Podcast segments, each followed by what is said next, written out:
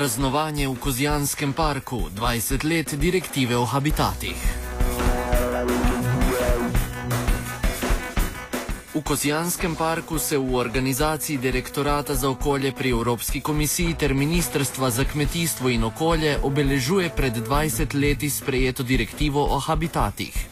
Iz te je izrasla mreža Natura 2000 in drugi vseevropski projekti, katerih cilj je ohranjanje naravne raznovrstnosti oziroma povrnitev biodiverzitete na ogroženih območjih, kot tudi načelo trajnostnega razvoja.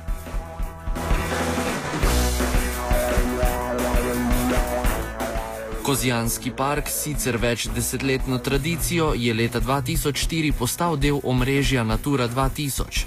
V Sloveniji in širše pa velja za pozitiven primer ohranjanja tako naravne kot tudi kulturne dediščine, ki je s pomočjo omrežja Natura 2000 in finančnega programa LIFE povrh vsega še zagotovil številne prednosti za, sicer, za siceršnje prebivalstvo Kozijanskega.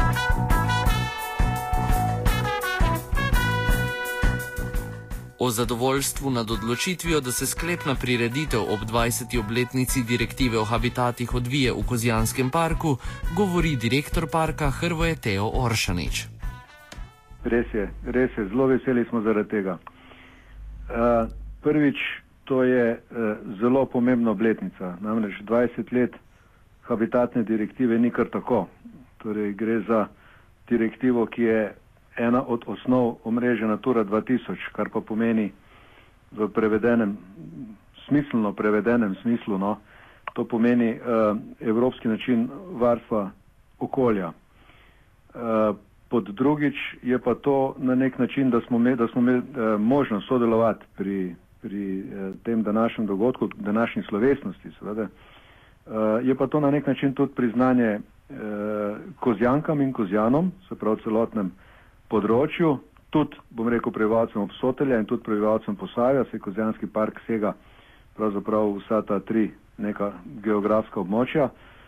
Um, je pa to tudi priznanje eh, Kozjanskemu parku kot zavodu, ker dejansko se zelo trudimo, da smo v prostoru zelo koristni. No.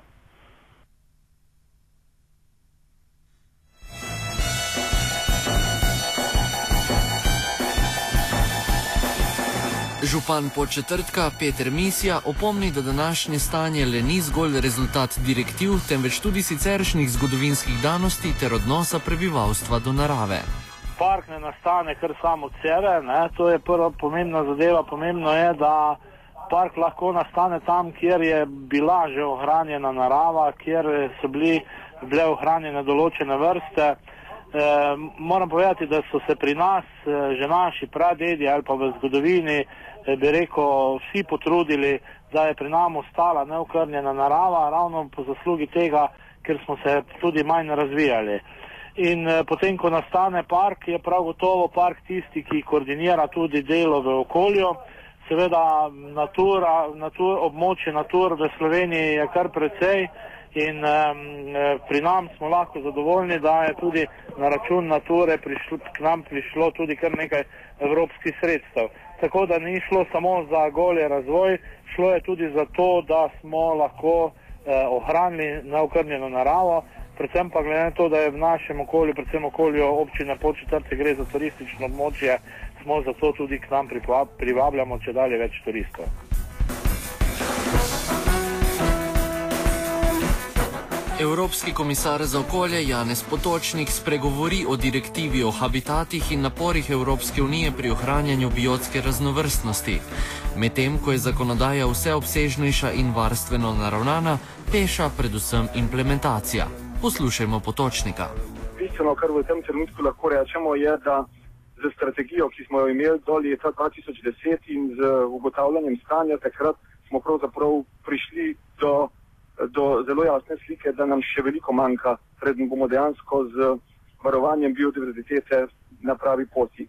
Vmes se je zgodilo marsikaj, imeli smo svetovni kongres eh, v okviru Združenih narodov v Nagoji, ker smo sprejeli strategijo v 20 točkah globalno, sprejeli smo tudi tako imenovani, eh, tako imenovani protokol iz Nagoje, eh, dogovorili smo se tudi za nujna implementacijska sredstva, ki jih bomo združili za to, da to podpremo in to diskusijo bomo zdaj nadaljevali meseca oktobra v Hyderabadu. Uh, Hkrati smo pa tudi v, v, pri nas v, v Evropski uniji začeli že s konkretnimi ukrepi, kako v bistvu pospešiti varovanje. Sprejeli smo strategijo biotske raznovrstnosti oziroma zaščite biotske raznovrstnosti iz leta 2020, ki je veliko bolj osredotočena kot je bila prejšnja. Uh, zelo jasno seveda govori o implementaciji Nature 2000, govori o tem, kako moramo nujno integrirati politike, kot je skupna kmetijska politika, ribiška politika v zaščito okolja, govori tudi o tem, da moramo tako imenovane invazivne vrste uh, na nek način primerno uh, nasloviti in tudi s tem zakonodajnim predlogom mislimo prideti ali konec letošnjega leta, verjetno pa v začetku prihodnega leta govori tudi o tem, kako moramo zagotoviti zadostna finančna sredstva in vsi ti razmisleki, ki so bili del tudi našega predloga za naslednjo finančno perspektivo. Skratka, veliko je tega, kar se je od eh, leta 2010 do danes zgodilo in vsi skupaj upamo, da eh, bo to zadostno, da se bodo ti trendi, eh, ki sem jih prej omenil, ki niso bili ugodni, vendarle bolj korenito obrnili v pravo smer. No, ampak če smo bila že pri naturi, zelo bistveno je, da zdaj le stabiliziramo to Natura 2000 ni več veliko področji, ki jih bilo treba uvrstiti v to nekaj še, vendar tisto, kar je v tem trenutku ključno, je pravzaprav osredotočiti se na upravljanje teh področji in najzadostna finančna sredstva, ki bodo na nek način eh, garancija za prihodnost.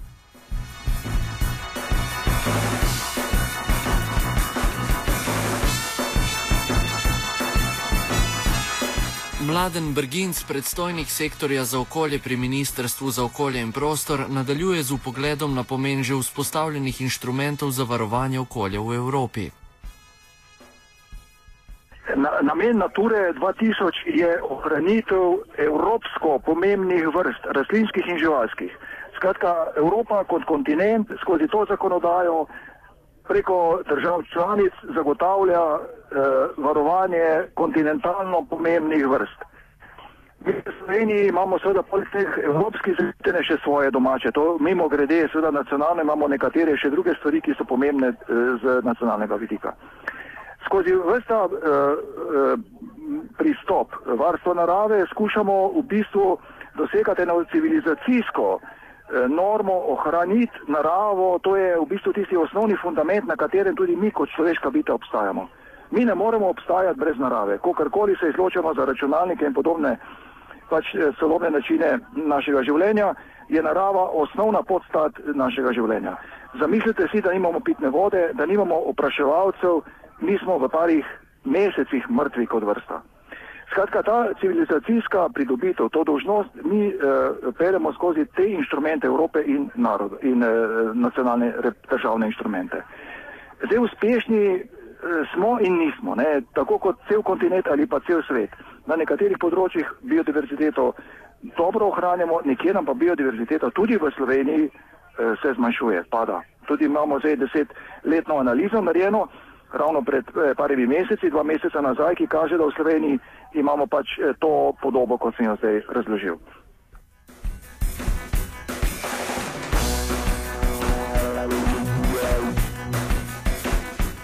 Kaj točno je mreža Natura 2000? Nadaljuje Mladen Brginc. Eh, Evropska natura je v bistvu ekološko omrežje, ki ne predstavlja nobene zaščite v smislu parkov. To ni parkovna zaščita, ampak je to v bistvu ena um, uh, zakonodajna rešitev, ki evropskim državam nalaga, da to ekološko mrežje varujejo z posebnim načinom upravljanja, ki pa je lahko tudi parkovni pristop ali kakršen koli drugi administrativni ali upravni.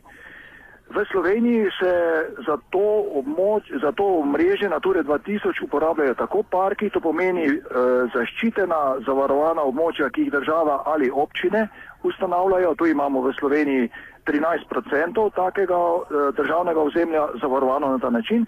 Oziroma se Natura upravlja tudi preko drugih inštrumentov, predvsem planskih e, in programskih inštrumentov, kot je naprimer. E, Eh, program uh, urejanja gozdov v Sloveniji, uh, planiranje skozi lovsko, ribiško in drugo zakonodajo, skozi urejanje voda in tako naprej. Skratka, to so nivoji, s katerimi država, kot je Slovenija in podobno tudi druge evropske države, upravljajo naturo. Parki so samo eden od tega eh, možnega ukrepanja.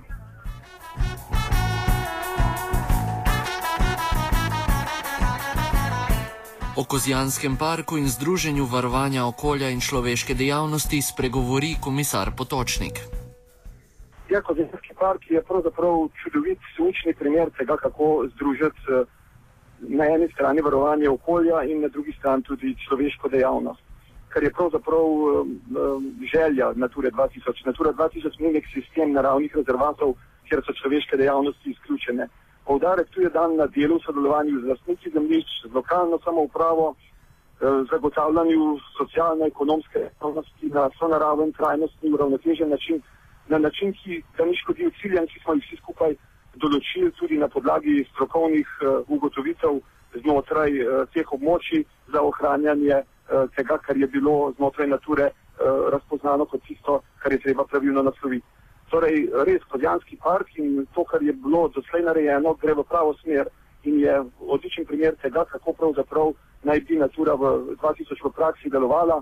Seveda ni celoten Kodjanski park, ampak velik del pa vendarle uvrščen pod Natura 2000 in zdi se mi, da bi se tam lahko od ljudi, ki poskušajo v tem partnerstvu z naravo sobivati, naučili marsikaj.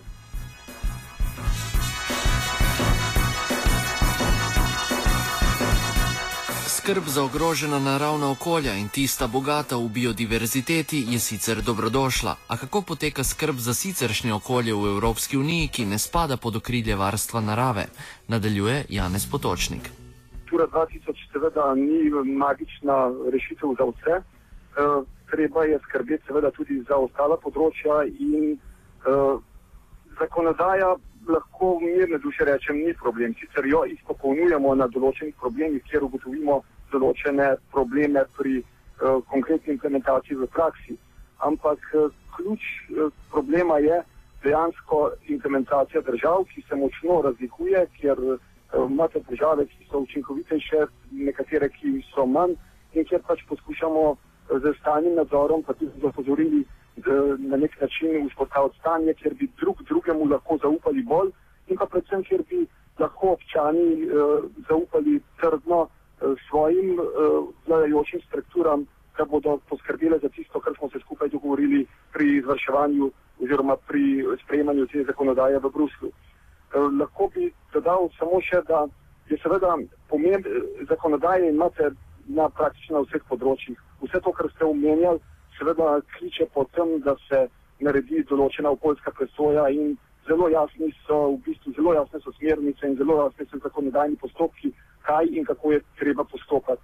No, včasih, eh, kot sem že rekel, temu ni tako in zaradi tega je pravzaprav res pozornost treba nameniti pravemu uresničevanju ki je v veliki meri seveda v rokah uh, nacionalnih, uh, lokalnih organov oblasti, inšpekcij, vsega tega, kar včasih vidimo, da ne funkcionira ravno uh, vzorčno, ravno tako, kot bi moralo. In uh, to je eden od razlogov, da bomo v letošnjem letu, ko bomo pripravili sedmi uh, akcijski program na področju okolja, prav uh, izboljšanju implementacije v državah članicah posvetili posebno pozornost.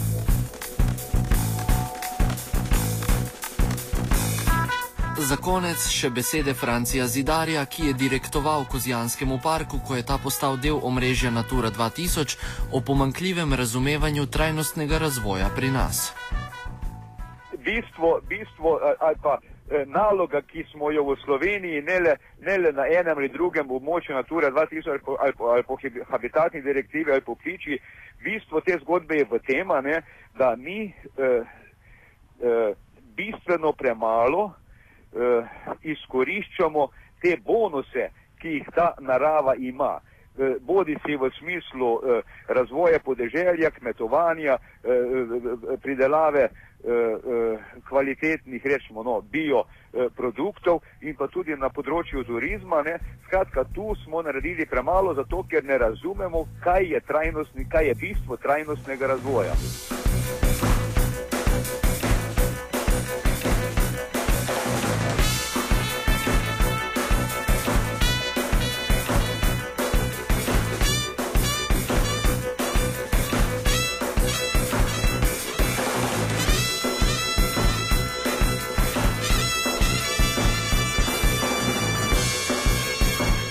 Kultiviral je Jankovič.